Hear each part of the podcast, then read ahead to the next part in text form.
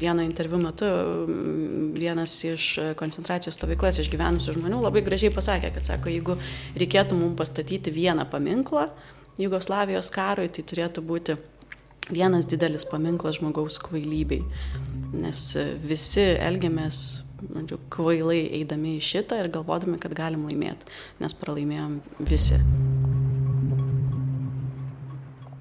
Labas visiems, esu Indrė Kiršaitė ir jūs klausotės Nara tinklalaidės. Šiandien kviečiu jūs mintimis kartu nukeliauti į Vakarų Balkanų regioną. Prieš kiek daugiau nei 30 metų prasidėję Jugoslavijos karai nusinešė mažiausiai 130 tūkstančių gyvybių.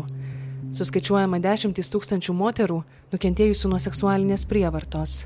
Per šį laikotarpį Jugoslavija suskilo į aštuonias valstybės - Slovenija, Kroatija, Bosnija ir Hercegovina, Serbija, Šiaurės Makedonija, Jotkalnyje, Albanija ir Kosova tarp kurių ir šiandien yra įtampų, o įvairios socialinės problemos šiose šalyse skatina tūkstančių žmonių emigruoti. Kiek karo patirtys šiame regione yra vis dar gyvo šiandien? Kaip sekasi susitaikyti tautoms? Ir kokių paralelių vakarų Balkanų šalyse galime išvelgti su mūsų šalyje vykstančiais procesais? Šiame epizode kalbuosi su Lina Strupinskienė, viena iš vos kelių vakarų Balkanų šalių tyriejų Lietuvoje. Ji yra Vilniaus universiteto tarptautinių santykių ir politikos mokslų instituto dėstytoja ir direktorės pavaduotoja studijoms. Su Lina kalbamės jos kabinete. Pokalbį pradedu savo pirmus susidūrimus su žmonėmis iš vakarų Balkanų šalių, kuris paskatino mane pačią labiau domėti šiuo regionu. Tai išvykimas mainams mokytis į Austriją, kuri turi vieną didžiausių vakarų Balkanų diasporų pasaulyje. Pokalbio pirmą minutę neįsirašė, bet ir be jos kontekstas aiškus, tad iššokim į vidurį mano pasakojimo. Tai man netikėtai pavyko e, patekti į bendrabutį, gyventi bendrabutyje, kuriame buvo didžioji dauguma žmonių iš Balkanų šalių.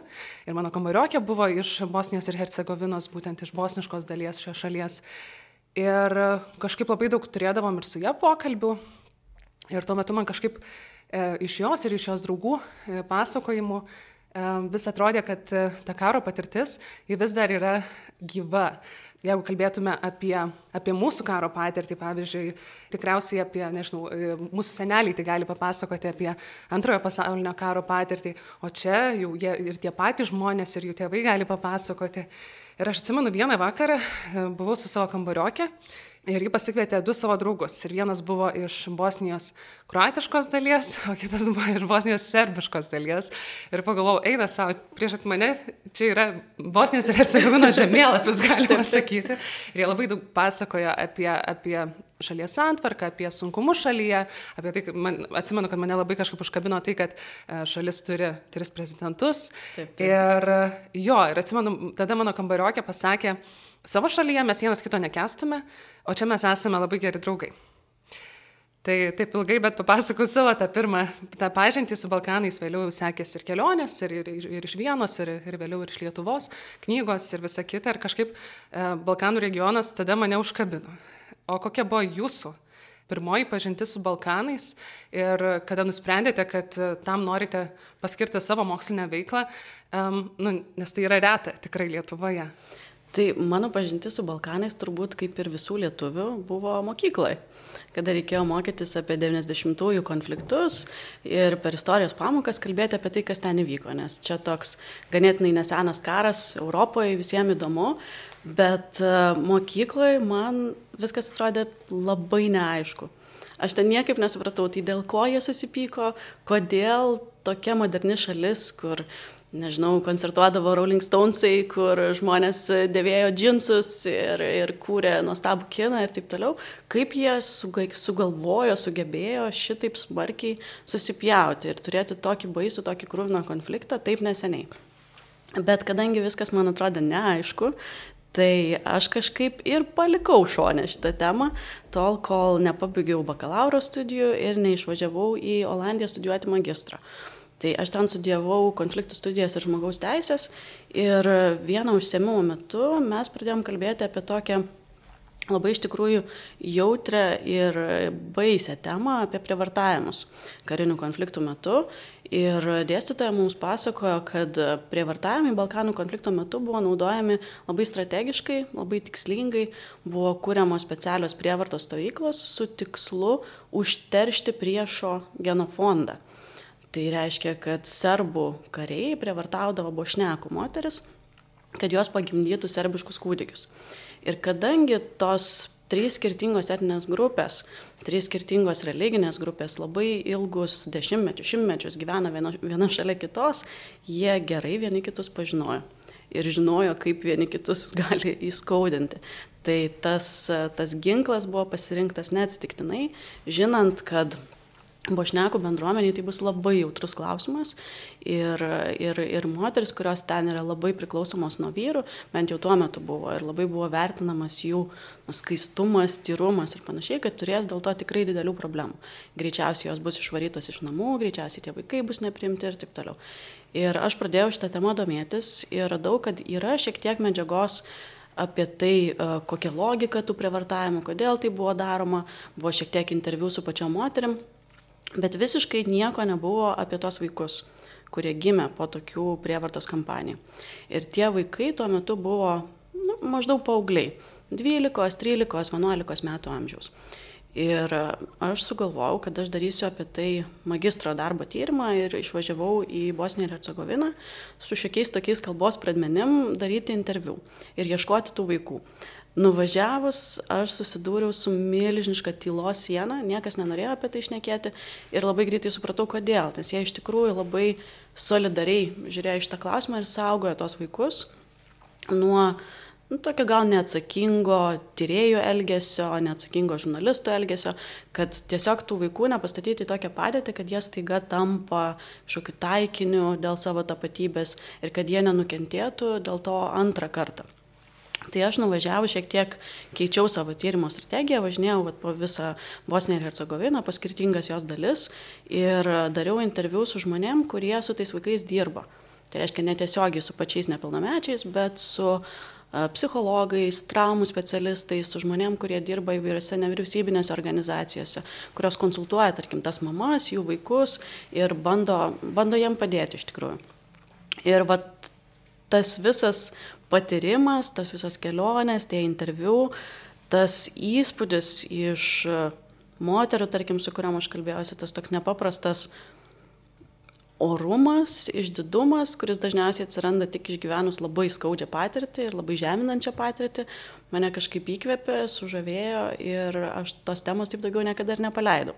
Tai pabaigus studijas aplikavau stažuoti į Tarptautinę baudžiamąjį tribunolą buvusiai Jugoslavijai, mane jie atsirinko, turbūt dėl to, kad jau buvau darius tyrimą, turėjau šiokius tokius kalbos pagrindus ir norėjau gilintis į temą ir ten dar labiau susidomėjau regionu, turėjau tikrai neįlinę progą iš tikrųjų dirbti su Serbų Respublikos prezidento Radovano Karadžiaus byla generalinio prokuroro kabinete Ir skaičiau, skaičiau, skaičiau, skaičiau. Ten pagrindinis darbas iš tikrųjų dirbant tribunolė buvo skaityti įvairiausius dokumentus, maždaug apie tūkstantį puslapį per dieną ir, ir juos analizuoti. Ir žymėti lentelėje, kurie iš tų dokumentų yra a, padedantis Karadžičiui, a, kurie yra jam kaip tik na, kenkiantis ir kurie galėtų būti panaudoti byloje prieš jį. Tai skaitai, dedėjai lentelę, pildai Exceliuką, žymi skirtingom spalvom ir tada tariesi, žodžiu, su kolegom, advokatais, mokslininkais ir taip toliau, ką ten, ką ten darom. Bet e, tų dokumentų ten yra tikrai, tikrai begalė ir labai labai daug išmokau. Ir labai daug išmokau iš tos pačios diasporos, vat, kaip ir jūs minėjot, nes Olandijoje jų tikrai irgi labai daug.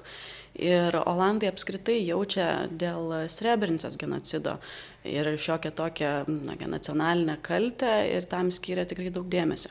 Nes turbūt jeigu pati domėjotės, tai tikrai žinot, kad būtent Olandų kariai saugojo Srebrenicą ir neišsaugojo. Ir būtent filmas Pavadis Saida, man Taip. atrodo, labai mm -hmm. plačiai auditorijai tai parodė apie tą taptautinės bendruomenės neveiksnumą būtent e, tų žudinių metu. Taip, taip. Ir atrodo, kaip galima taip nereaguoti, bet iš tikrųjų Jungtinių tautų taikdarių mandatas yra labai ribotas, ten yra labai aiškiai hierarchinė struktūra ir, ir, ir, ir čia ne vieną kartą iš tikrųjų pasaulio istorijoje yra pasikartoję tokie pavyzdžiai, kai jie tiesiog nesugeba, negali, nėra pakankamai gerai ginkluoti, dėlse, laukia, komunikuoja su savo vadovais kitoje šalyje ir negali greitai, operatyviai priimti sprendimą, kuris būtų galėjęs išgelbėti tūkstančių šiuo atveju žmonių gyvybės. Užsiminėte pradžioje, kad e, e, mokykloje būtent pradėjo domėtis regionu ir tuo metu e, atrodė viskas neaišku. Tai ar dabar atrodo aiškiau apskritai, e, kalbant apskritai apie karo priežastis ir e, mano mėgstama rašytoja, būtent iš Balkanų šalių, e, Slavenka Drakulič. Tai, aš mano irgi.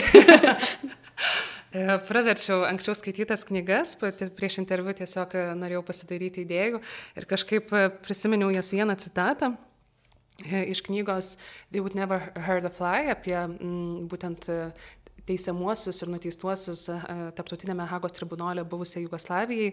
Ir jo, ir ta citata, vieną dieną mes supratome, kad nėra būtina turėti išorės priešo, norint pradėti karą, priešas gali būti viduje ir iš tiesų jis buvo. Mhm. Tai Kaip dabar matote apskritai karo priežastis, nes dažnai, kai kalbame apie Balkanų karus, e, e, tai viskas yra nurašoma etniniam, kad e, etniškumui, religijai, tai kad šešios tautos sudaro tą būtent buvusią Jugoslaviją, kad trys skirtingos religinės grupės. Bet kokios dar buvo tos priežastys, kurios iš tikrųjų buvo esminės ten? Taip, tai va šitas aiškinimas, tas toks vadinamasis makro naratyvas, jisai tikrai egzistuoja. Jis yra pats populiariausias, kad konfliktas kilo dėl to, kad tos trys etinės grupės, nu, ypatingai Bosnija ir Hercegovinė, ne, bošnekai, kruatai ir serbai nekentė vieni kitų, kad jie turėjo labai skaudą antro pasaulinio karo patyrimą ir, ir dėl to buvo daug tokių na, ne, neužverstų istorijos puslapių, dar tokių skaudžių atsiminimų, taip kaip jūs sakot, kad vat, mūsų seneliai, tarkim, atsimena antrą pasaulinį karą, taip jų tėvai ir seneliai atsiminė tuos dalykus ir ten buvo tikrai labai daug tokių baisių, baisių istorijų ir tas padėjo tarsi tą tokią įtampą ir neapykantą vėl iškelti, vėl iškelti į paviršių. Bet man iš tikrųjų patinka visai kitas aiškinimas, kuris kitaip pristato pagrindinius veikėjus Jugoslavijos e, konflikte ir kalba ne apie etninės grupės, o kalba apie žmonės, kurie ten dalyvavo ir žmonių mm, veiklą ir, ir, ir turbūt gal tipą. E, tai vienas iš mano kolegų tarptautiniam būdžiamajam tribunolė buvusi Jugoslavijai, kai jisai mus visus e, tos stažuotojus priemė ir įvedinėjo į tribunolo veiklą, darė tokią prezentaciją ir sakė, kad konflikte veikia trijų tipų veikėjai. Nacionalistai, tie, kurie buvo įtikėję žodžiu, savo grupės pranašumu ir kurie sėjo baimę, neapykantą, nepasitikėjimą ir atrodo, kad nuoširdžiai tuo tikėjo, jis juos pavadino believers, ne, įtikėjusieji. Tada buvo kita grupė verslininkų, tie žmonės, kurie pralobo iš karo neįtikėtinai. Tame tarpe ir pats Serbijos prezidentas Lobodanas Miloševičius, kurio turtai po konflikto buvo skaičiuojami milijardais. Jis turėjo savo labai artimą draugę Kipro bankę, šeimos draugę, per kurią išplovė neįtikėtinas sumas pinigų. Tai tiek jis, tiek jo visi giminaičiai ir, ir vaikai, ir šeima, tikrai jais buvo pasirūpinta ir tebėra pasirūpinta po, po šiai dienai. Ir lygiai taip pat net ir tas pats Karadžičius, kuris tarsi galėtų būti priskiriamas prie įtikėjusiųjų, nes jisai labai aktyviai tą nacionalistinę retoriką skleidžia, bet e, jis pats prieš karą buvęs e, psichiatras po karo tapo nepaprastai turtingų žmogumi, nes jisai privatizavo daugybę valstybinės nusavybės įvairiausių vilų, pastatų ir, ir panašiai. Tai labai daug žmonių iš karo pralobo. O kai mes galvojam apie pačius tos tokius baisiausius karo žudimus, prievartavimus, kankinimus ir taip toliau, tai va tada tas mano kolega Bilas Tomljanovičius sakė, kad reikia pakalbėti apie gangsterius, sadistus, nusikaltelius ir panašiai, kurie buvo tam tikslui apginkluoti, paleisti iš kalėjimų ir pasiūsti tiesiog naikinti žmonių. Nes kas gali efektyviau išvaryti žmonės iš namų, negu ten peiliais apsiginklavę, Rembo filmų prisižiūrėję e, žmonės. Iki tiek, kad net buvo kažkas, kažkas juokavo, kažkada, man atrodo, teatro teatro direktorius lyg ir Sarajevo, kad Silvestrui Staloniai reikėtų arešto orderį išduoti, nes jisai įkvėpė nepaprastai daug tų sukarintų grupuočių veikėjų, futbolo huliganų, nusikaltelių, kurie iš tikrųjų buvo nukreipti tikslingai gazdinti žmonės ir išvaryti juos iš jų e, gyvenamų teritorijų. Tai vad, kai žiūri į konfliktą truputėlį kitaip, ne per tas etinės grupės, o per konkrečius veikėjus, ką kas darė, Tai politikai realiai, kurie skleidė tą nacionalistinę retoriką, įgalina visus nusikaltelius eiti ir daryti. Tai va tas nebaudžiamumo momentas ir įgalinimo momentas konfliktuose yra labai svarbus. Ir mes tą galime matyti, tarkim, toj pačioj kaimininiai, kaimininiai Baltarusijai. Ne, kai mes šnekėjom ir, ir visi žiūrėjom pakraupę, ką daro Omonas su savo pačių piliečiais. Ne, ir ne tik su tais, kurie protestuoja, bet tais, kurie tiesiog eina gatvę. Eina į parduotuvę, apsipirkti, netyčia atsidūrė ne toje vietoje ir panašiai.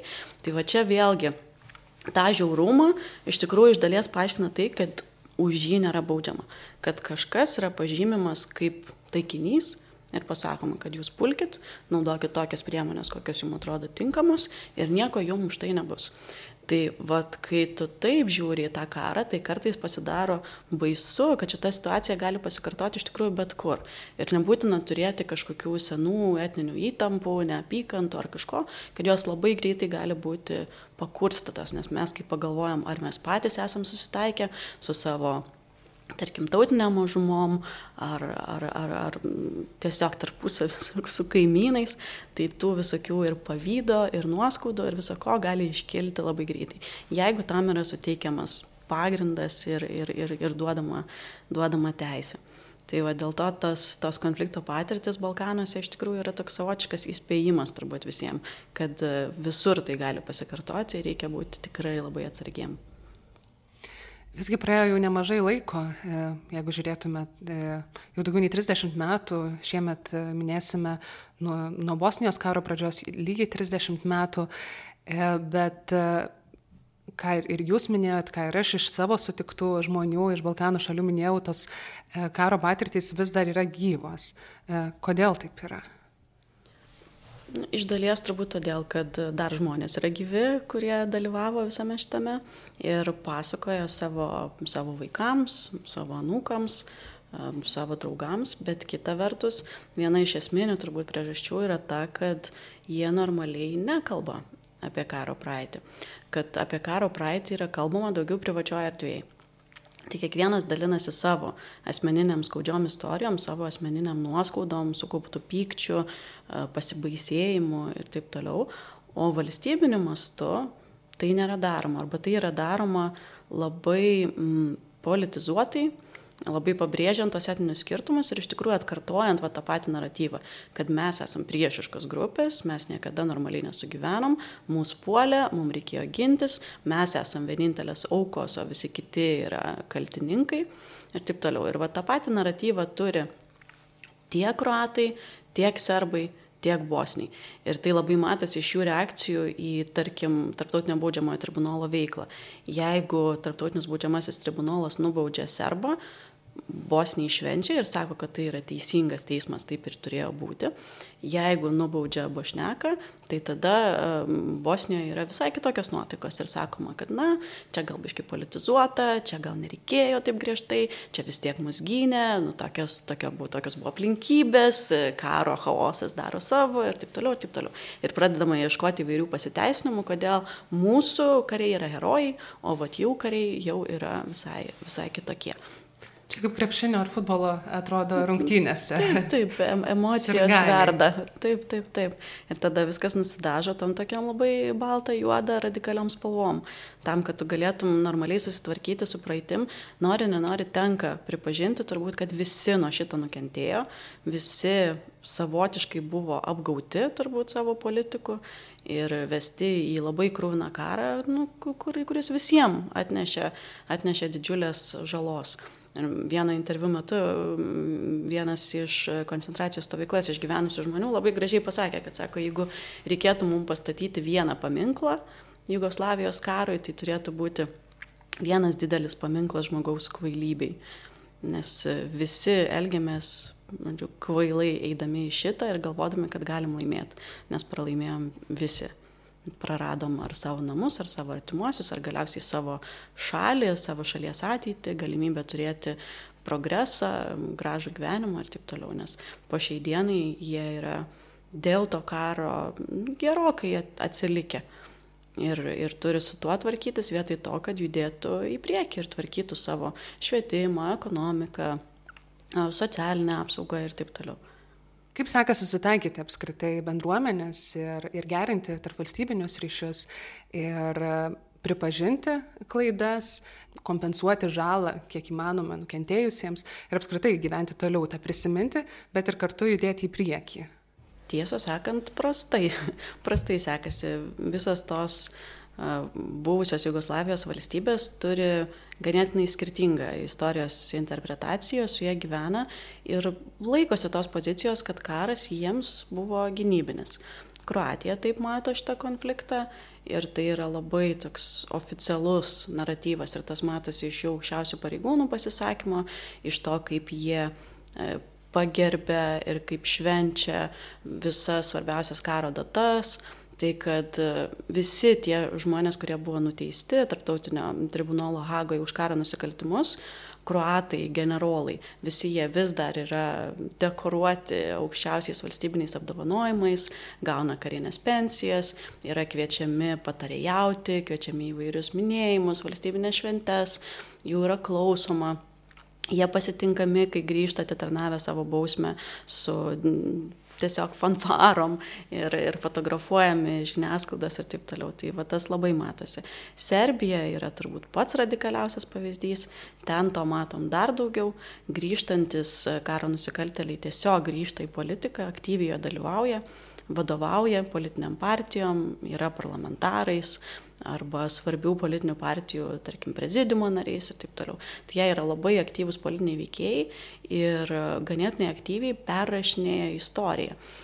Karo Gynybos ministerija šiuo metu, pavyzdžiui, finansuoja tokią knygų seriją Karys, vadinasi, kur įvairūs karo generolai pasakoja apie karinį konfliktą, ypatingai apie Kosovo Ir, ir, ir tą pristato visiškai kaip tokia gynybinė operacija, Kosovo Serbijos širdis, mums reikėjo tą daryti, absoliučiai nekalba apie aukas, apie Kosovo nepriklausomybės siekį ir, ir, ir panašiai. Tai vad Serbijoje turbūt diskursas yra pats radikaliausias ir, ir, ir mažiausiai valdomas ir labiausiai remiamas aukščiausių šalies pareigūnų.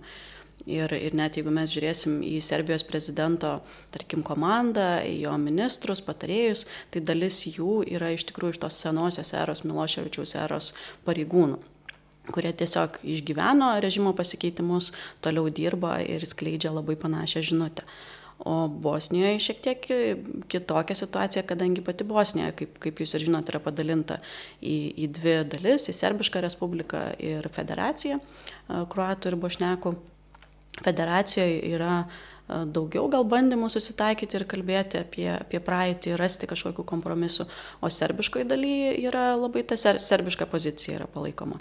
Ir šio, šiuo metu iš viso ten yra didelė politinė krizė kilusi ir, ir jie labai aktyviai žengia žingsnius, kad galėtų jungtis uh, prie Serbijos. Tai dar žiūrėsim, kuo, kuo čia baigsis. Iš tikrųjų, tai ganėtinai pavojinga situacija ir, ir kyla grėsmė, kad galėtų būti net sienos perbraižomos, jeigu ir toliau taip klostės reikalai. Kodėl svarbu pripažinti apskritai savo kaltę? Ir ką Jūs minėjot prieš tai mm, apie savo tyrimus Bosnijoje ir Hercegovinoje, apie karo prievartos e, nusikaltimus. Neseniai skaičiau e, britų žurnalistės Kristinos Lemp knygą e, Mūsų kūnai jų karo ginklas. Būtent šioje knygoje aprašyta daugybė karinių konfliktų, kur, kuriuose buvo prievarta naudojama kaip karo ginklas. Žinoma, ir, ir Bosnijos ir Hercegovinos atvejis yra aprašytas. Ir šioje knygoje labai stipriai yra pabrėžiama, kaip tai yra svarbu ir pačiom aukom Taip. įrodyti teisingumą. Kad tai svarbu ne tik tarp valstybiniams santykiams, bet tai yra konkrečiai svarbu bendruomenėms. Taip, taip, tai ypatingai bendruomenėms. Tai va dėl to valstybės ir turi pareigą reaguoti į tai, nes didžiąją dalį jų gyventojų sudaro aukos, nukentėję žmonės nuo karo veiksmų. Tie, kurie buvo arba fiziškai suluošinti, arba sutraumuoti, arba neteko savo artimųjų. Tai būtina apie tai kalbėti ir pripažinti, nes kitaip jie negali eiti į priekį, jie tada tame ir gyvena, tame skausme ir toje neteisybėje. Ir, ir, ir viena tai yra oficialūs valstybiniai pripažinimai ir atsiprašymai, bet kita dar yra ir tokie labai mikro ligmens bendruomenių ligmens pripažinimai ir atsiprašymai. Mat, pavyzdžiui, dalis mano tyrimų buvo nedidelė miestelį e, serbiškoje Bosnijos ir Hercegovinos daly, e, Priedorė. Ir priedaras ten su visais savo aplinkiniais kaimeliais, apie šimtą tūkstančių gyventojų tik tai turi. Nu, tai yra nedidelė bendruomenė. Iki karo jinai buvo etniškai labai mišri, skirtingos etinės grupės maždaug lygiom dalim ten gyveno. Po karo tai yra praktiškai vien tik tai serbiška bendruomenė ir dalis žmonių, kurie neišvyko, pasiliko ir taip toliau, jie labai skaudžiai išgyvena šitą momentą. Ir e, priedaras dar buvo žymus tuo, kad ten trys koncentracijos stovyklos veikia kelių kilometrų spinduliu aplinkui miestą. Ir viena iš jų iš viso veikia pačiame mieste, e, plitelių tokioj gamykloje, miesto teritorijoje aplinkui šitą koncentracijos stovyklą buvo daugiabučiai, ganėtinai aukšti. Tai reiškia, kad žmonės, kurie ten gyveno, galėjo pažiūrėti žemyn ir matyti, kas darosi to, tos gamyklos teritorijoje, kaip kažkas yra sušaudomas, kankinamas, vedamas, nebegrįžta ir taip toliau ir taip toliau. Ir vienas mokytojas, kuris dirbo vietiniai mokyklai, išgyveno šitą stovyklą, pavyzdžiui, buvo paleistas paryčiais iš koncentracijos stovyklos ir iš ryto 8 val. turėjo prisistatyti į darbą grįžti atgal pagal tokią tvarką, nes tu negali nieko neveikti, nes nu, komendanto valandos, viskas griežtai, karinė situacija ir taip toliau. Ir, ir jisai grįžta ir sako, man pats skaudžiausias dalykas grįžus buvo tai, kad mano kolegos klausė, tai kur tu buvai? Nu, kaip tau atrodo, kur aš buvau? Havajuose, sako, buvau. Ir visiems tada pasakoju, kaip aš buvau Havajuose, kaip įdėgiau, kaip pailsėjau ir taip toliau. Tai, tai va šitas tokiam visiškai asmeniniam lygmenį, aukų lygmenį, yra nepaprastai svarbu.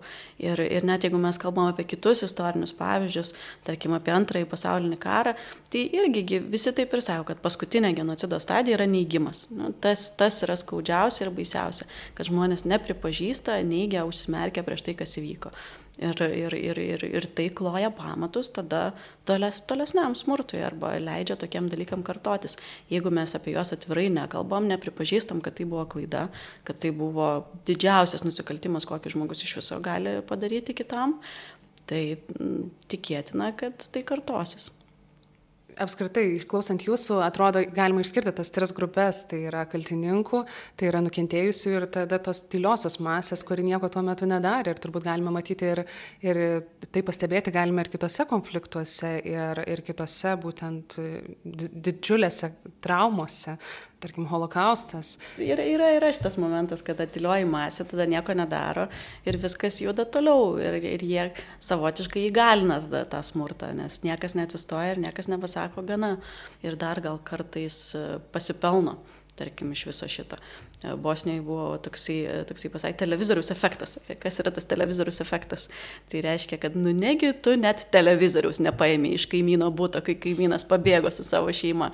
Jeigu paėmė, tai va ir tylėk, nes ir tu kaltas, ir tu prisidėjai prie to, kas įvyko. Ir tada net kai taika, net kai visi sugrįžta namo, niekas neprabyla ir nepasako, kad va po kaimyno obelim palaidota visa jo šeima, o žmogus ieško metai iš metų artimųjų kūnų, kad galėtų juos perlaikyti perlūdat ir neranda ir visi tyli. Tai va tas, tas toksai to by, bystander efektas jisai tikrai yra ir konfliktuose jisai labai aktualizuojasi. Ir, ir, ir dėja palaiko tada tą smurtą, režimą, tai kas įvyko ir prisideda prie problemos nesprendimo. Bendraujant su žmonėmis iš e, Vakarų Balkanų šalių, e, dažnai tenka išgirsti labai skirtingas istorijos interpretavimo versijas ir būtent karo, e, Jugoslavijos karų skirtingas versijas. Kodėl svarbu yra rasti bendrą vardiklį tarptų versijų ir stengtis ieškoti tos, sakykime, objektyvios tiesos? Vat, ypatingai Balkanų atvejais rodo, kad e, jeigu tos istorijos versijos skiriasi, tai jos skiriasi dėl priežasčių, nes e, kiekvienas savo istorijos versijoje yra herojus ir kitas yra tos istorijos versijoje priešas, blogietis, piktas, neteisingas, e, dėl visko kaltas. Ir tas tada kloja pamatus tolesniam žmonių skirstimui pagal jų etninę grupę, tolesniam supriešinimui. Ir, ir matyt, kad tolesniam konfliktui, neaišku, ar ginkluotam, bet bent jau tokiam tarp asmeniniam lygmenį, bendruomenių lygmenį, tą konfliktą iš naujo produkuoja. Ir jeigu ateis koks krizių laikotarpis, sunkesnis metas ar kažkokios įtampos, tas konfliktas vėl gali išlysti. Ir Balkanų, ypatingai Bosnijos ir Hercegovinos pavyzdys, rodo, kad su tuo nebuvo susitvarkyta. Ir galbūt tai yra raktas į šiandieninę tą tokią sudėtingą politinę situaciją ir kad jie negali susitarti dėl vienos rinkimų reformos reformos, dėl, tarkim, spartesnio pasirengimo stojimų į ES ir panašiai. E, Balkan, nu, vad, Bosnijoje, tai kai pasibaigė konfliktas, jie buvo nusprendę, kad nu, vaikai turi grįžti, pavyzdžiui, mokyklas, bet nėra labai saugu tą daryti. Tai iš pat pradžių jie konsultavosi su tarptautinė bendruomenė ir sutarė, kad skirtingų etninių grupių vaikai mokysis skirtingose mokyklose. Ne visur tą fiziškai įmanoma buvo padaryti, tai kai kuriais atvejais jie po vienu stogu turėjo dvi mokyklas pro vieną įėjimą eina, tarkim, kruatų vaikai, pro kitą įėjimą įeina serbų vaikai arba, arba panašiai. Ir tada, kai, kai važinėjai po šalį ir žiūri, kad tokių mokyklų vis dar yra, jos vis dar yra užsilikę ir vaikai tarpusavį nebendrauja ir maža to mokytojai gazdina juos vieni kitais. Sako, jeigu blogai elgsiesi, mes tave išsiųsim pas kruatus, pas šituos pabaisas, arba, arba ir tai yra bausmė. Ne? Ir jie ne, neturi kažkokio bendro pagrindo, vieni kitų nemato, o jų tėvai matė, jie gyveno Jugoslavijoje, jie kartu tuokėsi, kartu dirbo, ten laiką leido ir panašiai. Prieš karą didžiuosiuose miestuose Bosnijos ir Hercegovinos tarp etninių santokų skaičius buvo didesnis negu tuo pat metu Junktinėse Amerikos valstijose tarp rasinių santokų skaičius. Tai reiškia, tai buvo tikrai labai normalu, tai buvo įprasta praktika, jie visi gyveno kartu. Tai m, tėvai, seneliai dažniausiai netgi turi tą ilgesnį bendro gražaus sugyvenimo patyrimą negu dabartinis jaunimas kurie auga va tose skirtingose istorijos versijose, augo, auga mokami nemėgti, nekesti, įtarinėti, nepasitikėti vieni kitais. Ir tada jam labai sunku kartu kurti valstybę, na, kažkokią tai ir ieškoti bendros ateities. Nu, tai tada, kas, kas, kas neranda savo vietos tokiuose naratyvuose ir tokiuose susipriešinimuose, emigruoja. Ir va iš čia ta labai didelė diaspora, kur keliausi, Balkanų diaspora yra didelė. Viena iš didžiausių pasaulyje po, po šiai dienai. Ypatingai, ypatingai bosnių, bet, ir, bet lygiai taip pat ir, ir, ir kitų, kurie gyvena Vokietijoje, Austrijoje, Skandinavijoje, Kanadoje, JAV, Nuojoje Zelandijoje, visur visur jų galima atrasti. Ir ten jie gyvena ir taikiai, ir bendrauja su kitais iš Balkanų, ten jie visi yra broliai ir seseris, tą patį maistą mėgsta, tiek pat daug rūko, tokią pat stiprią kavą geria ir, ir, ir panašiai, o kai grįžta atgal į regioną, kur yra va, tos kitokios istorijos versijos, ir tada tu matai tą efektą, kodėl taip svarbu kalbėti apie faktus, kodėl taip svarbu pasakyti gerai, o tai kas puolė pirmas, o kiek aukų mes proporcingai turim kiekvienai etiniai bendruomeniai, o kas įrodinėjo, ar čia visi visi serbai kalti, ar čia penki serbai kalti, kurie tuo metu vadovavo, davė įsakymą ir vykdė būtent tokią politiką. Tai vad tribunolo darbas, tarkim, yra toks, ar ne, ten faktinę tą medžiagą surinkti, atrasti, kas yra tiesa, bet tos medžiagos yra tiek daug, kad žmonės jos nebe, nebesuvokia, nebepriepia, nebe, nu, jie tiesiog ir kodėl turėtų, jie neturi nei teisinio išsilavinimo, nei kažko. Tai labai svarbu yra uh, tarkim, nevyriausybinės organizacijos ar, ar ta pati valstybė per švietimo sistemą, kad tuos faktus integruotų į kažkokią vienodą istorijos versiją. Bet kadangi Bosnija ir Hercegovina yra taip pasidalinusi, jūs sakėte, turi tris prezidentus, o ministerijų turi beveik 18, tai va tom 18 ministerijų susitarti tarpusavį, koks bus istorijos vadovėlis yra praktiškai neįmanoma. Iki taip neįmanoma, kad e, čia prieš e, kokį 10-15 metų buvo toksai kuriozas, kad jie sugalvojo dabartiniuose vadovėliuose uh, užtušuoti visas vietas, kurios skatina etninę neapykantą ir, ir kurios yra diskutuotinos. Tą reikėjo padaryti greitai, personalo nebuvo, pinigų nebuvo, tai jie liepė vaikams patiems mokinukams pasimti juodus markerius ir užbraukyti savo istorijos vadovėlį, savo visą tą tokią diskutuotiną informaciją.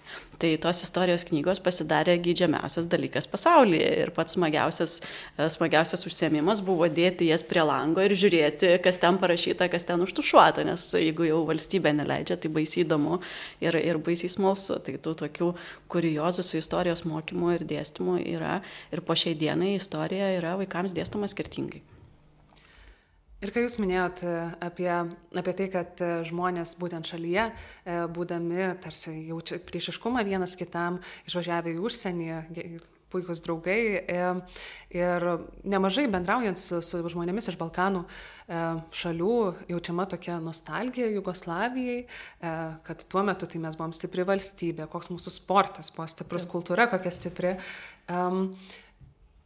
Kokios priežastys vis dar to esančio priešiškumo ir kodėl, kodėl tos skirtis yra, kodėl, e, kodėl žmonės vis dar nesutarė, ilgai sugyvenę kartu, e, buvę kaimynai. Mm. Labai daug yra mm, žmonių, kurie turi mišres tapatybės, kuri, kurių tėvai yra iš skirtingų etninių grupių. Kur slepiasi visa ta priežastis vis dar esančio priešiškumo? Tai aš sakyčiau, kad turbūt pagrindinė priežastis yra politikai ir, ir politinė priežastis, kadangi ta visa rinkimų sistema, kaip jinai yra padaryta, jinai skatina etninį balsavimą. Tai reiškia, kad bošnekai renka savo atstovus, kruatai savo, serbai savo. Ir visos rinkiminės kampanijos, visa ta logika, viskas yra apie tai. Ir jeigu jie nori išlaikyti savo vietą, jie kalba apie etninius dalykus per etninę prizmę.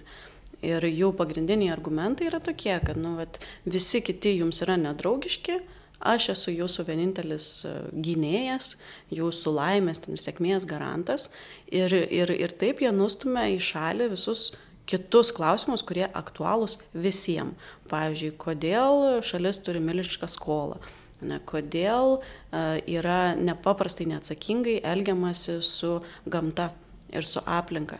Jie įsileidžia labai agresyvius investuotojus, kurie arba išnaudoja natūralius išteklius, arba užteršia visą gamtą. Ir va dabar va matosi iš tikrųjų va, ekologija, klimato kaita turbūt yra pagrindiniai tokie klausimai, kurie galėtų sujungti bendruomenės ir sumobilizuoti, nes ten yra tikrai didelė problema. Ten ir upės raudonai nusidažo, ir slėniai yra padengiami pelenais daugybę katastrofų, ypatingai Kinijos įvairios kompanijos labai neatsakingai elgesi su, su aplinkosauga. Ir matosi, kad ir toj pačioj Serbijoje, ir Bosnijoje, ir Kroatijoje žmonės dažnai protestuoja, eina į gatves, piktinasi, priešinasi. Tai vad jeigu atsirastų kažkas galbūt iš diasporos, visiškai iš šono, tarkim, kas kalbėtų apie tokius visai bendruomenė aktualius klausimus, apie jų ateitį, gerovę, apie tai, kad jie tuoj ne, vieni, vieni užterščiausių miestų, tarkim, yra visam pasauliu Zagrebas, ten top dešimtukė dažniausiai figuruoja, ar, ar, ar tas pats Sarajevas, kad, kad atsirastų kažkas, kas jungia vienį ir peržengia tas etninės skirtis, tai būtų gal išėjimas iš tos situacijos. Nes politikai, kalbėdami apie jas, saugo savo kėdę. Nes tada jie bus renkami iki gyvos galvos. Ir nesvarbu, kaip šalis atrodo ekonomiškai, nesvarbu, kad masinė emigracija, nesvarbu, kad nuteka protai ir taip toliau, bet jie toliau važiuoja ant tos pačios kortos, kad aš esu jūsų saugumo garantas, nes visi kiti yra jūsų priešai. Ir žmonės uh, tiki ir, ir, ir tiki iš dalies dėl to, kad gal mažai tos demokratinės tradicijos, gal silpna pilietinė visuomenė, bet ir, ir tie patys politikai, jie labai turi daug galios ir labai kontroliuoja visą žiniasklaidą. Tarkim, visa ta informacija, visas tas informacinis laukas, kuriame tu esi kaip, kaip gyventojas, jisai yra labai dėkingas tokiai situacijai ir ją, ją produkuoja vėl, vėl ir vėl ir vėl ir vėl iš naujo. Švietimo sistema silpna, nevyriausybinės organizacijos dažniausiai nėra nevyriausybinės, finansuojamos tiesiai iš biudžeto ir prisidenginėja, kad yra nevyriausybinės, žurnalistus cenzuruoja ir, ir panašiai. Tai va, tai jie taip yra užklimpę ir užklimpę, sakyčiau, kad labiausiai dėl politikų kalties, o ne dėl paprastų žmonių. Žmonės kaip tik atvirkščiai rodo daugiau to solidarumo net, negu būtų galima tikėtis tokioje nedraugiškoje aplinkoje. Balkanų regioną dažnai krečia žemės drebėjimai, potviniai, įvairios tokios nelaimės ir va tada matosi tas solidarumas, parama, pagalba vieni kitiem neįtikėtinai, kad ir, ir per pandemiją lygiai taip pat žmonės vieni kitiems palikinėja maisto prie, prie daugiabučių įėjimų, labai padeda, gelbėja, palaiko. Tai, tai tų ryšių, draugysčių ir visako tikrai pavyzdžių yra labai, labai daug. O politikai dėmesį nukreipinėja visai į kitus dalykus, nes jiems taip naudinga. Vis minime tą didžiulį emigracijos mastą ir kokios yra pagrindinės tokios socialinės priežastys, dėl ko žmonės emigruoja, kas juos veja iš, iš savo šalių. Labai didelis nedarbas, ypatingai jaunimo, tiesiog nėra, nėra ką dirbti, o, o jeigu jau randi tą darbą, tai yra maži atlyginimai. Ir jeigu tu esi geras specialistas, natūralu, tarsi tikėtis geresnių sąlygų ir, ir geresnio gyvenimo. Tai čia viena.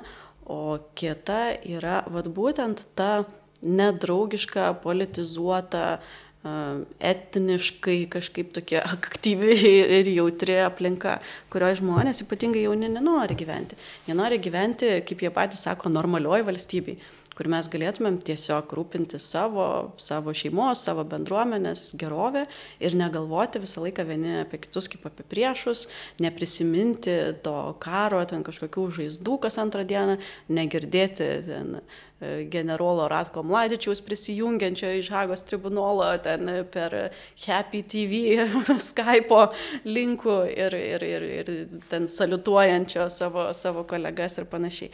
Tai jie yra pavargę nuo, nuo tokios situacijos ir nori į normalią, normalią šalį. Tai jau tiesiog necitata iš, iš, iš interviu, kai kalbėsi su žmonėm, jiem taip atrodo, kad jų šalis yra užstrigus praeitį, norisi judėti prieki ir norisi kurti gražesnį gerą gyvenimą. Ir paprasčiau tą yra padaryti e, turbūt užsienį. Vakarų Europoje jie laukiami, angliškai jie šneka, vokiškai šneka, specialistai geri, baimės dirbti ar ten tingumo neturi, tai yra ganėtinai paklausus. Ir, ir kai kurios šalis tuo ir pasinaudoja. Ta pati Austrija, ten ilga, ilga, ilgamečiai susitarimai su Kroatija buvo dėl nemokamų studijų Kroatijos studentams Austrijos universitetuose. Vokietija labai irgi ir teikia ir paramą, ir stipendijas, ir, ir geranoriškai priima. Jie taip sprendžia iš dalies savo pačių demografinės problemas. Negimstamumas mažėja, jiems reikia daugiau jaunos populacijos ir Balkanų emigrantai yra ganėtinai tokie laukiami Čia steptelėsiu, nes noriu padėkoti klausytojams, naujai prisijungusiems mus palaikyti per Patreon platformą.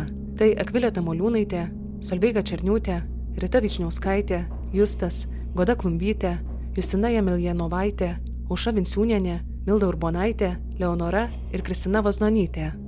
O savo skiriamas sumas padidino Šarūnas Radvilavičius, Milda Gardauskaitė ir Kestas Kirtiklis. Mūsų 100 eurų per mėnesį rėmėjai yra Ramūnė Tam, Blossomwood Foundation ir MailerLite. Ačiū Jums. Jūsų parama mums padeda renkti žurnalistinius pasakojimus, aukti ir suprasti, kad yra žmonių, kuriems iš tiesų to reikia. Norintys prisijungti, galite tai padaryti adresu patreon.com pasviras brūkšnys nara.lt. Grįžkime į pokalbį. Pradžioje dar pokalbio užsiminėme apie Srebrenicos žudynės ir apie, apie tarptautinės bendruomenės neveiksnumą. Tuo būtent atveju um, matėme ir veiksnumo, ir neveiksnumo tiek karo metu, tiek ir vėliau. Koks yra požiūris šiuo metu apskritai Balkanų šalyse į tarptautinį palaikymą ir kiek kiek pasitikėjimą lemia tos ankstesnė istorinė patirtis ir kiek iš tikrųjų yra padedama šiom šalims, kada yra sunku. Labai geras klausimas ir turbūt bus toks nelabai smagus atsakymas, e, nes nėra to didelio pasitikėjimo būtent dėl skaudžios istorinės praeities. Ir dabar ta tarptautinė bendruomenė, kurią mes turime omeny visada kalbėdami apie Balkanus, yra pirmiausia ES. Kadangi visos tos valstybės nori būti ES dalimi, tik Kroatija yra ir, ir ta pati Bosnija, ir Kosovas, ir Serbija e, prašosi primami ir vis negauna teigiamų atsakymų ir vis yra atidėliojama jų ta narystė. Ir čia paskutiniai įvairiausi ginčiai buvo dėl, dėl Albanijos ir Šiaurės Makedonijos. Makedonija ir pavadinimą pakeitė iš Makedonijos į Šiaurės Makedoniją ir su graikais išsprendė daug, daug konfliktų, dabar yra Bulgarija užblokavus jų prieimimą. Tai jie visą šitą mato kaip nenorą, elementarų nenorą, kad jums mūsų nereikia. Jums patogu, kad mes esam šalia, ir visada tarsi siekiame tapti ES nariais, bet jūs net neketinat mūsų priimti. Tai žodžiu, mes apsimesim, kad reformuojamės, o jūs apsimesit, kad mūsų laukiat. Ir va tokiam keistam limbo gyvena visą laiką šitas regionas. Bet jeigu tu esi įstrigęs ir niekas nesikeičia, tai dažniausiai reiškia, kad tu eini atgal. Tai va situacija po truputį blogėja. Manau, kad jinai geriausia buvo uh, greičiausiai iki ekonominės krizės, e, kuris sukrėtė Europą. Tai 2005, 2006, 2007 buvo toks didžiausias optimizmas, didžiausias pakilimas, didžiausias toks atkakliausias ėjimas į priekį. Ir, ir tada per krizę ES atsitraukė Lygiai taip pat atsitraukė ir kita tarptautinės bendruomenės dalis, buvo uždarinėjami nevyriausybinio organizacijų biurai, paliekami tik tai sostinėse arba iš viso labai mažinamas personalo skaičius, dėmesys tiesiog kitur perėjo. Tas pats ir su Junktinėm Amerikos valstijom atsitiko, visi atsitraukė, atsitraukė, atsitraukė. Ir atsitraukia dar motivuodami tuo, kad lyg ir Balkanai gerai laikosi, lyg ir viskas jiems gerai sekasi, jie dabar yra pakilime ir jau užtenka čia tos pagalbos, priežiūros ir panašiai. Bet kaip matom iš dabartinės situacijos tai nepakanka, nes neįvertino turbūt ant kiek destruktyvus yra vietos politikai ir kaip greitai galima prikelti tas nuoskaudas, jeigu su juom nebuvo normaliai susitvarkyta, nebuvo atvirai apie jas kalbama, nebuvo susitarta dėl bendrų faktų, dėl bendrų tokių istorijos momentų, tai vėl jais yra manipuliuojama ir vėl keliamos tos pačios emocijos, kurios labai veikia politikoje, tas toksai supriešinimas. Su, su Tai tarptautinė bendruomenė didelio pasitikėjimo nėra. E, yra turbūt renkamasi ta strategija tiesiog imti ir emigruoti ir tapti tos tarptautinės bendruomenės dalimi ir palikti, palikti savo, savo regioną vat, tokioj keistoj, sudėtingoj situacijai. Pokalbio metu vis užsimename apie tarptautinį baudžiamąjį Hagos tribunolą buvusiai Jugoslavijai, koks yra jo vaidmuo ir ta e, gal galima tai matyti tokią kaip ir e, ilgametę tarptautinės bendruomenės pagalbą susitvarkyti su e, karo būtent traumomis ir, ir, ir praeities žaizdomis.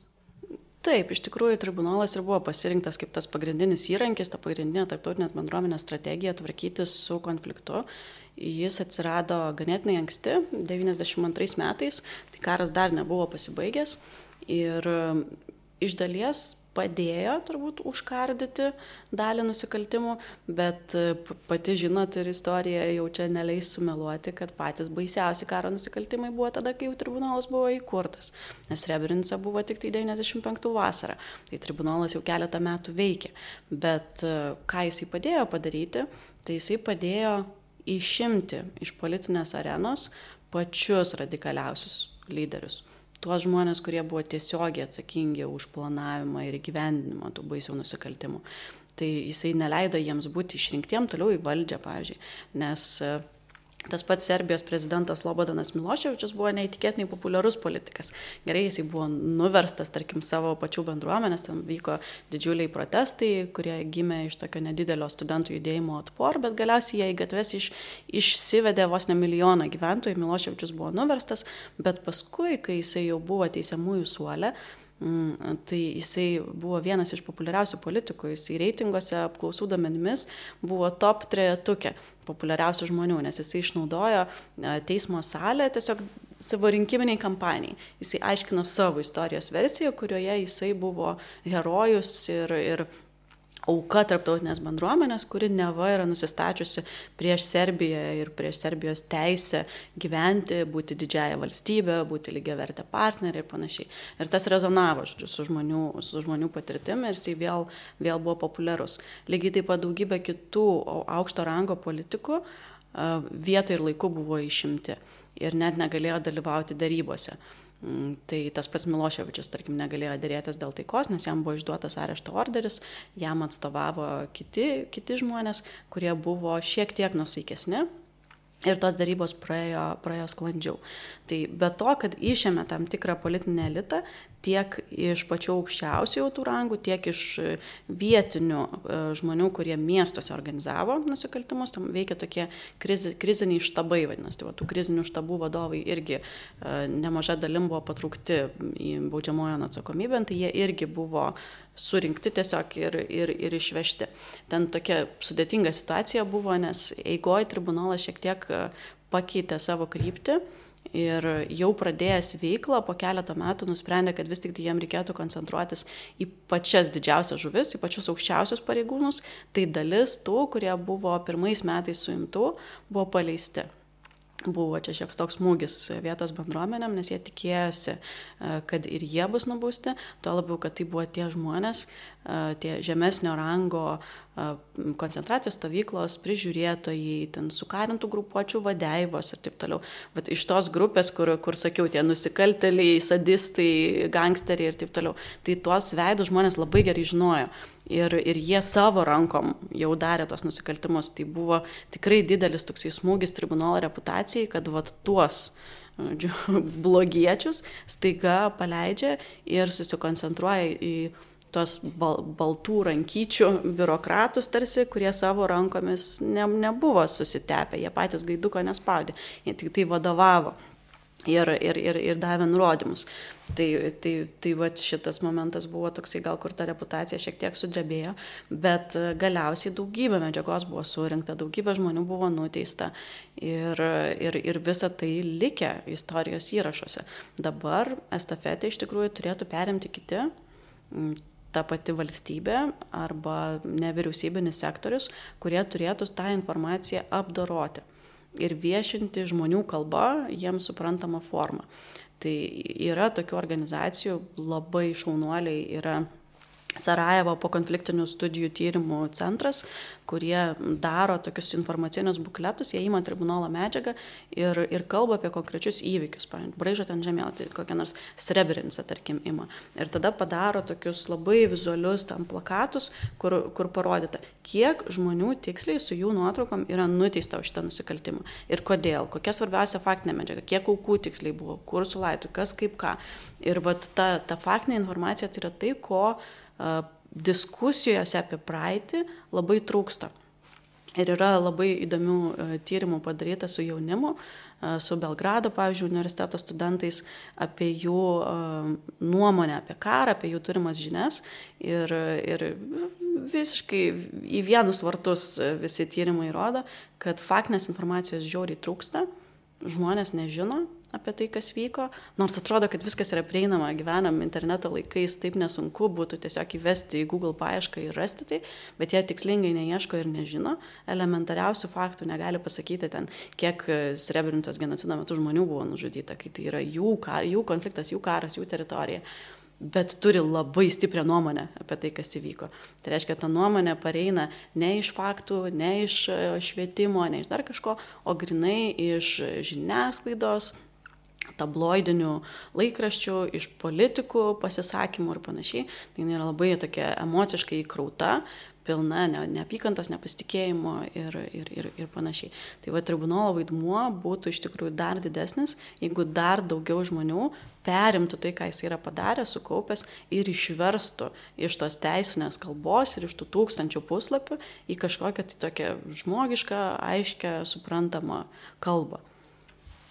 Tas susipriešinimas ir tas, ką, ką jūs minėjote, um, remimasis emocijomis, ne faktais, atrodo toks pažįstamas ir šiuo metu, ir Lietuvoje, ir kitur.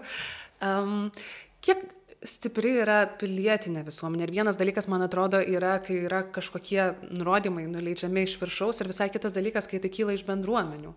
Ir kokios yra tos, kokie būdai yra sutaikyti bendruomenės ir, ir, ir kaip sekasi toms iniciatyvos nevyriausybiniam sektoriui ir panašiai. Mhm. Yra tos pilietinės visuomenės ir net ir mažose miesteliuose ir kaimeliuose ir jie iš tikrųjų pasinaudojo visą tą paramą, kurią tarptautinė bendruomenė skyrė, aplikuoja projektams, rašo, daro įvairias iniciatyvas, yra ganėtinai gerai įvaldę projektinę kalbą, kartais tai yra daugiau gal minusas negu, negu privalumas, bet tų veiklų tikrai yra, Tik e, vėlgi jie yra marginalizuoti.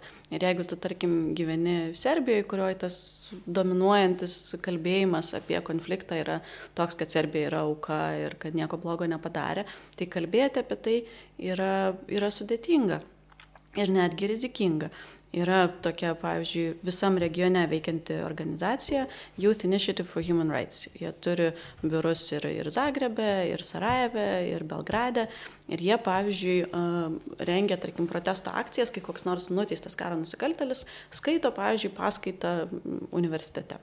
Nu, tai jie susirenka su plakatais, protestuoja ir taip toliau. Ir tada policija juos susėmė ir sako, kad jie ten trukdo, žodžiu, viešai tvarkai ir, ir rimčiai, jie čia yra nusikalteliai, jie čia yra blogiečiai, žodžiu, ir, ir huliganai, ir kaip tik tai nori. Jie gauna ten nedidelės baudas, kur paskui jiems dažniausiai bendruomenė sumeta, kad jie tas baudas susimokėtų, bet iš valstybės pusės yra toksai priešiškumas. Ir iš to paties jaunimo, jeigu jie yra nusiteikę nacionalistiškai, tai jie vėlgi juos žiūri kaip į kažką, kas bereikalo kelia triukšmą, kas gadina rimtį ir kartais net žiūri į juos kaip tokius antisusitaikymo veikėjus. Kam čia dabar kelti tas senas žaizdas ir senas nuoskaudas, gyvenkim visi toliau, nežinau, pirkim vieni iš kitų, prekiaukim, darykim kažką tai veikim, o ne kalbėkim apie karą. Bet aš manau, kad jų darbas yra nepaprastai svarbus. Ir jie tarpusavį tada labai bendradarbiauja visam regione, va tos organizacijos, jie vieni kitus palaiko ir, ir, ir padeda, ir vieni kitus apmoko ir, ir, ir bendrauja, važinėja, tais projektiniais pinigais kažkiek tai naudojasi savo, savo veiklom. Bet e, tai nėra kažkokia labai dominuojanti ir stipri jėga. Tarpusavį gal tas solidarumas labai didelis, bet kai žiūri valstybės mastu, tai yra vis tiek jie tokie iš tų tylesnių, labiau marginalizuotų balsų. Irgi tai pažįstama, atrodo, tas, kad kam čia keli bangas, geriau gal tiesiog visiems tylėti ir nesikalbėti apie tas problemas. gal tada jos išnyks. Kažkaip labai daug paralelių atrodo ir, ir įvairius istorinius įvykius ir apskritai šiuo metu esančią taip, taip, situaciją, susipriešinimą ir atrodo, kiek daug vietos pamokoms iš viso to. E, kuo šiuo metu užsiimate, kokiais mm. tyrimais ir, ir į ką savo visą dėmesį fokusuojate? Mhm. Šiuo metu darau tokius du didelius ir, ir skirtingus darbus. Vienas yra susijęs su Balkanais ir su mano tyrimais, o kitas nesusijęs ir labiau susijęs su mano darbo institute, mano dėstymu, mano pareigom, nes aš esu prodekanė studijų. Tai mes šiuo metu rengiam didelę naują bakalauro programą anglų kalba apie globalius iššūkius, kurie žodžiu, mes labai norim pakalbėti iš tokios labai tarpdisciplininės perspektyvos apie tai, kas šiandien yra aktualu. Klimato kaita, migracija, pandemijos, tapatybiniai įvairūs klausimai, neligybė, ar tai būtų lyties pagrindu, ar rasės pagrindu ir įvairiausius tokius dalykus. Ir bandom, kovojam pramušti pro visus biurokratinius ratus, kad tokia programa atsirastų ir, ir kad galėtume mokyti žmonės susikalbėti su skirtingus ryčių specialistais ir kartu spręsti tos iššūkius, su kuriais mes susidurėm. Tai va čia turbūt yra didžiausias mano šių, šių mėnesių ir pastarųjų metų darbas. Ir jeigu viskas gerai, tai rudenį ta programa atsiras, tai nepaprastai jos laukiu. O, o kitas darbas yra apie tribunolą e, Jugoslavijos, bet aš dabar gilinuosi į tai, ką veikia tie žmonės, kurie e, nuteisti už karo nusikaltimus, atitarnavo savo bausmę. Tos bausmės beje nebuvo labai didelis vidurkis bausmių yra maždaug kokį 15-16 metų gavo už tokio masto nusikaltimus. Mažiau negu 10 netgi žmonių buvo nuteista iki gyvos galvos, tai vos, vos keletą, na, įskaitant Vadai, generolą būtent. Mladičių, prezidentą Karadžičių, o, o kiti dažniausiai keletą metų gavo. Ir jie atitarnavo savo bausmę. 90 keli procentai jų yra išleisti anksčiau laiko už gerą elgesį. E, geras elgesys ir reabilitacija apibrėžiama nepaprastai painiai ir, ir neaiškiai tarptautiniai teisiai, nelabai yra čia patirties ir dažniausiai netokie trivialūs dalykai, kaip, pavyzdžiui, mokysi užsienio kalbos, lankė kokią nors ten virimo kursus ir kepimo, jau rodo reabilitaciją ir pasiruošimą grįžti atgal į visuomenę. Tai vad tie nuteistieji grįžta, jie ne šiaip e, žmonės, jie paprastai labai patyrę politikai, labai patyrę karininkai ir vėl dalyvauja politikai. Ir ką jau minėjau interviu metu, tai ypatingai Serbijoje aiškiai matosi šitas. E, arti dešimties yra tokių, kurie vėl integravosi ir skleidžia tą žinutę, o mes iš tikrųjų tokio pilno vaizdo ir tokio žinojimo nelabai turim. Ir, ir va, darau tokį naują, naują tyrimą, bandau sudokumentuoti tą tokią empirinę tikrovę, pasižiūrėti, kas yra prieinama iš atviros prieigos šaltinio apie tos žmonės ir, ir interviu darausi su uh, vietiniam nevyriausybiniam organizacijom, aukų organizacijom, įvairiais ekspertais, kurie nagrinėja šitą temą, bandydama susidaryti profilius visų tų žmonių ir susivokti, tai kur jie nuėjo ir kodėl. Ir tada pasiūlyti bent keletą kažkokių tai uh, argumentų, kodėl tos reintegracijos strategijos taip skiriasi, nes buvo ir tokių, kurie atsiprašė, gailėjosi ir bandė kažkaip prisidėti prie to susitaikymo aktyviai, bet didžioji dalis tai ne. kodėl va taip vyksta ir kokios galėtų būti pamokos, kokios galėtų būti rekomendacijos ateičiai, nes tų tribunolų yra ir daugiau, ne, ne tik Jugoslavijos tribunolas. Ir iš tikrųjų svarbu pasižiūrėti, kas darosi po to, kai žmonės atitarnauja bausmę. Nacionalinės teisės sistemoje tai yra normali ir integrali dalis, visą laiką yra kažkokios reintegracijos programos, yra kažkoks tai bent jau monitoringas, kas ten darosi, o tarptautinė teisė nėra nieko. Tave paleido ir viskas. Iš, iš dalies tai yra teisinga, nes tu esi laisvas žmogus ir, ir kodėlgi ne, jeigu nėra kažkokių tai teisinių ribojimų tęsti savo veiklą, tu gali ir į politiką grįžti, tik tai iš susitaikymo perspektyvos, jeigu žinutė tavo nepasikeitė ir tavo ta istorijos versija yra toliau tokia skaldanti, dalinanti ir tu tą neapykantą vėl kurstai, tai tikrai nėra gerai. Ir tada jie veikia prieš e, tribunolą, prieš tą vieningą kažkokią istorijos versiją ir labai destruktyvus veikėjai pasidaro. Tai va šitas, šitas yra mano dabartinis rūpestis ir, ir darbas ir su viena savo studentė tokia e, Indrė e, irgi bendradarbiavimas prie šitą, jinai jau magistrinį darbą parašė ir apsigynė ir, ir kartu rengiam bendrą, bendrą publikaciją. Tai žiūrėsim, turėtų gal neužilgo kokio pusmečio bėgi išeiti. Gal kokius konkretesnius galite pavyzdžius būtent šito savo tyrimo paminėti tiesiog ir kokią įtaką iš tikrųjų tas grįžimas į bendruomenę, e, bendruomenės susitaikymui e, padaro? Tai turbūt pats žinomiausias ir pats radikaliausias pavyzdys yra Voislavas Šešelis. E, jisai buvo sukarintos grupuotės vienas iš vadovų, pats atsakingas už žudynės ir kankinimus jisai grįžo atgal, atgal į regioną, grįžo atgal į politiką ir buvo išrinktas į Serbijos parlamentą.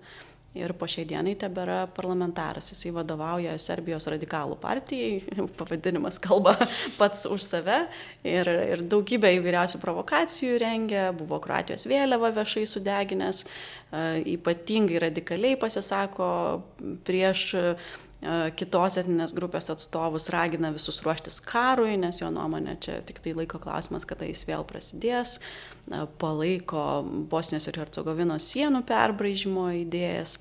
Ir, ir, ir panašiai. Ir tokių veikėjų yra, yra ir daugiau.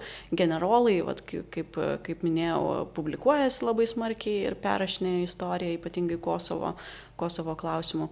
Yra dar kita dalis, pavyzdžiui, kurie, tarkim, tiesiogiai politikoje nedalyvauja bet dėl savo ryšių, įsitinklinimo ir statuso labai sėkmingai vykdo privatų verslą. Pavyzdžiui, yra, yra vienas buvęs kariškis, kuris šiuo metu m, turi tokią įmonę, techninis remontas, man atrodo, taip vadinasi ta įmonė, kuri iš e, serbiškos e, dalies Bosnijoje ir Hercegovinoje supirkinėja karo metu e, naudotus ginklus, juos tvarko, atnaujina ir tada pardavinėja Afrikai į įvairias konflikto zonas tenai. Jie dar gamina ir tokius šarvuotus tokius tankelius dar savočiakus, tai jisai į ginklų pramonę, žodžiu, yra, yra nuėjęs ir jam ten labai gerai sekasi. Kitas, vat, kruatas Mirko Norats, jisai ne tarptautinio baudžiamojo tribunolo nubaustas, bet vietos, vietos teismų už karo nusikaltimus. Tai jisai turi didžiulę privačią įmonę, kuri rūpinasi apsaugą ir jo įmonė gauna visus valstybinius kontraktus. Jie saugo ministerijas, paštą, bibliotekas, muziejus ir taip toliau. Tai jie yra nu, savotiškai apdovanojami turbūt už tai, kas buvo ir pasinaudoja tais senais ryšiais ir sena įtaka, kad, kad įsitvirtinti. Tai čia aišku gerai, kad jų nėra tam viešajam bent jau diskursai ir kad jie tarsi nekalba apie, apie istorinę atmintį ir taip toliau, bet uh, žmonės tai mato šitos veidus, mes juk irgi žinom savo herojus, tuos turtingiausius, tarkim, Lietuvos žmonės ir, ne, ir, ir, ir taip toliau. Ir aišku, kad jie yra savotiškai ger, gerbiami, gerbtini, rodomas kaip sėkmingas pavyzdys, ar ne kažkokiu tai patyrusių verslininkų, išmanančių ir, ir, ir, ir panašiai. Tai va ten irgi, irgi, to, irgi to yra. Kroatijoje, tarkim, politikoje nedalyvauja niekas iš, iš buvusių nuteistųjų tiesiogiai, nėra, nėra partijose, bet jie mm, aktyviai dalyvauja per karo veteranų organizacijas. O kadangi tas tėvynės karo naratyvas ir herojų naratyvas yra labai gyvas Kroatijai, tai jie irgi turi didžiulę tą tokią netiesioginę politinę, politinę įtaką. Ir va tai, kad jie grįžta, tai tiesiog dar tą patį debatą pakursto, dar įpučia, žodžiu, ugniesi visą šitą ir tas tiesiog tęsiasi. Tai va dėl to labiausiai turbūt ir liūdna. Ir, ir darant interviu su mm, šitą Youth Initiative for Human Rights Serbijai, tai jie sakė, kad jeigu mes anksčiau dar protestuodavom, eidavom, piktindavomės kažkokius atsišaukimus, spausdindavom. Tai dabar praktiškai nebeverta, nes per paskutinius 3-4 metus e, tokie dalykai kaip karo nusikaltelių garbinimas, e, grafičių paaišymas ant miesto sienų, gatvių vadinimas jų vardais, apdovanojimas kažkokiais apdovanojimais, skelbimais e, garbės piliečiais ir panašiai, yra kasdienybė. Tai vyksta nuolatos. Tai sakom, šunis loja, karavanas eina, viskas grįžta tiesiog atgal į, į tai, kas buvo. Ir tai liūdina ir gazdina, nes tikrai atrodo, kad tada laiko klausimas, kad kažkas panašaus vėl pasikartos. Kokias išeitis matote? Kažkaip vis, vis mhm. viskas taip liūdnai. E, e, su kiekvienu klausimu ir atsakymu nukeliaujame tai, kad situacija blogėja, pilietinė visuomenė yra silpna, istorijos pamokos nėra išmoktos, e, nėra bendros istorijos versijos, kokios išeitys iš tos uh, užburto rato galėtų būti yra tam tikrų politinių klausimų, kurie galėtų sujungti bendruomenę. Ir vienas iš tų, aš manau, tikrai yra ekologija ir, ir, ir klimatas. Tai jiems yra ypatingai aktualu tiesiog dėl milžiniškos taršos ir dėl labai tokio betodariško resursų naudojimo, ypatingai užsienio investuotojų. Ir, ir nuo to tikrai kenčia paprasti žmonės, mes Lietuvoje to taip nejaučiam, kaip, kaip jie jaučia regione. Ir tikrai kiekvieną kartą nuvažiavus kalbė su jais apie oro kokybę, apie, apie miškus kertamus, apie išteklius švaistomus, apie užterštas upes, miestus ir, ir, ir panašiai. Ir daug protesto akcijų vyksta. Tai, tai va tas galėtų sujungti kažkaip žmonės ir išstumti iš to iš tos erdvės, kur nuolatos yra kalbama apie karą, apie etinės įtampas ir panašiai, pabandyti kažkaip peržengti ir išeiti iš to užburto rato. Tai čia gal vienas. Kitas dalykas - ES vaidmuo, nepriklausomai nuo to, kad jie yra nusivylę. Uh, ir, ir, ir netikė tarsi mūsų gerais norais, bet tai yra vienintelis, vienintelis galimas sprendimas ir vienintelė alternatyva. Jie iš tikrųjų nei, nei su viena pasaulio kita valstybė ar kitų regionų tiek intensyviai neprekiauja, nebendradarbiauja, tų ryšių tokių nėra ir daromi po truputį tie žingsniai link, link didesnės sinchronizacijos mūsų dviejų didelių regionų. Ir net geografiškai, jeigu pažiūrės, ES yra juos apsupus, ap, jau prarijus, bet nesuvirškinus. Tai jie yra kaip ir Europos dalis, tai ir kultūriškai, ir istoriškai, ir, ir, ir fiziškai. Jie yra ten. Tai va tas išjudėjimas kažkaip tai sugalvojimas tokios sistemos, kuri būtų uh, labai aiškiai apdovanojanti už progresą ir labai aiškiai baudžianti už stovėjimą vietoje arba piktybinį regresą, leistų kažkiek pažaboti vietos, vietos politikus. Uh, Tai, tai va tas ES saldainis galėtų suveikti kaip kažkas, kas išvada iš tos situacijos.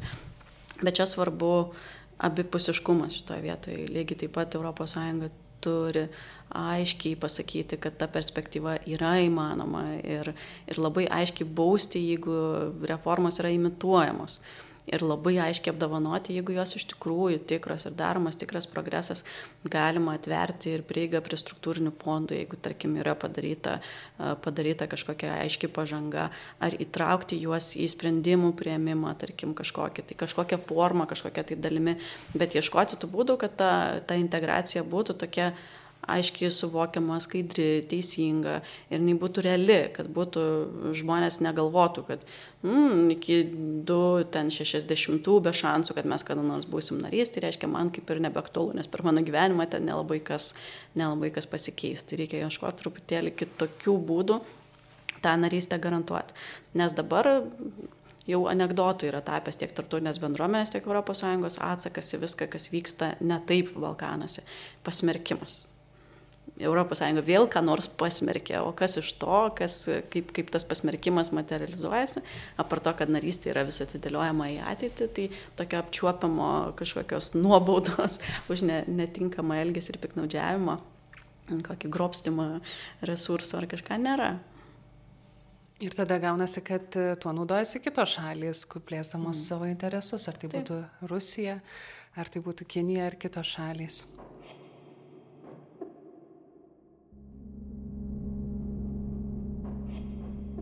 Kiek jūsų mokslinė veikla yra persipinus ir su jūsų laisvalaikiu, ir mhm. būtent kalbant apie Balkanų regioną, kiek tai yra, nežinau, jūsų darbas ir kiek tai yra ir jūsų hobis kartu?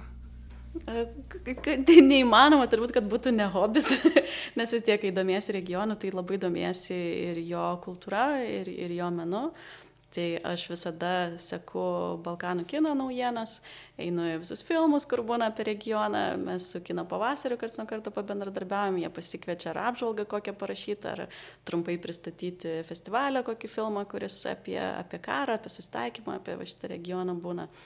Kuvadį, Kuvadį Saidą irgi rašiau trumpą tokią apžvalgėlę, kur buvo. Ir, ir labai skaityti mėgstu, jau nepaslaptis, jau čia darbas toks, tai tas skaitimas irgi yra hobis, tai aš turiu daug savo mėgstamų rašytojų ir, ir, ir skaitau literatūrą.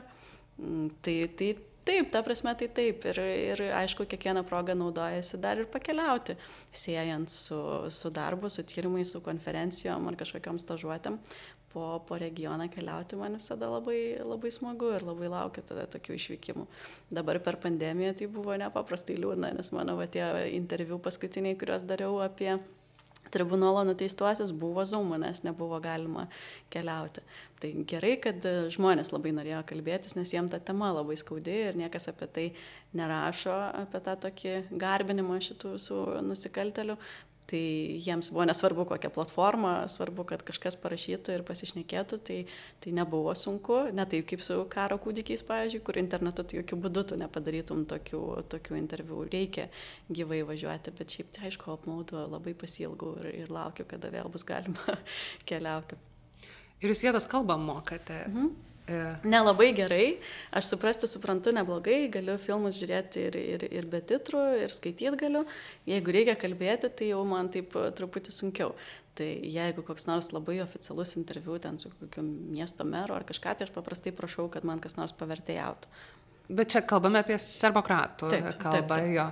Albanų. Ir... Ne, ne, ne, ne, ne, ten jau gerokai sudėtingiau.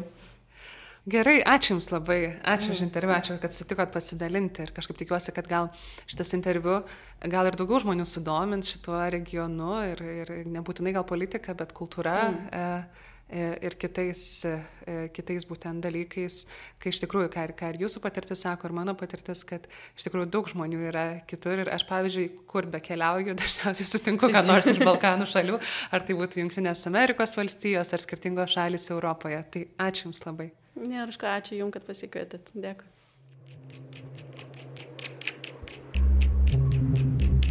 Toks mūsų epizodas šiandien. Ačiū, kad buvote kartu. Kviečiu nukeliauti į mūsų puslapį nara.lt, kuriame galite pamatyti kolegos Karolio Pilypo Liutkevičiaus fotografijas šiai tinklalaidėjai. Epizodo muziką kūrė Martinas Gailius.